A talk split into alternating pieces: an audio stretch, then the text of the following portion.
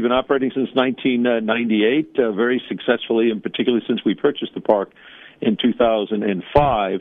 But the Ratanga Junction will have its last day of operations on May 1, 2018, which is about eight months from now. Tyler verduidelik waarom Ratanga Junction sy deure sluit.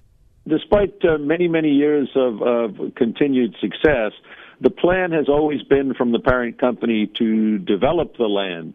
So Ratanga Junction uh, was going to close many years ago, and we have not. But uh, now the developers, uh, Rabie Property Group, are going to exercise their right to go ahead and develop the land next year. Hy sê die pretpark gaan herontwikkel word, maar die beplanning is nog in die beginfase. I do know it's going to be planned mixed development, still on the drawing board for them, but uh, the preliminary part would be uh, hotels and so forth, office and whatnot. It's a big piece of property, so I think it's going to be a very, very exciting uh, development, no matter what Robbie uh, Robbie puts their signature on.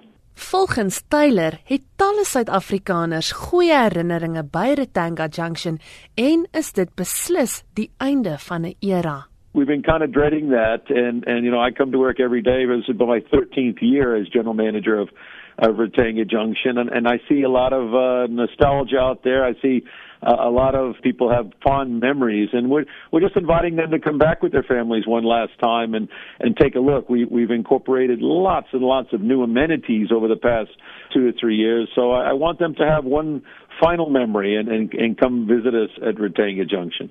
Dit was die bestuurder van Retanga Junction, Bill Taylor. Ek is Dianke Nel vir SAK nuus.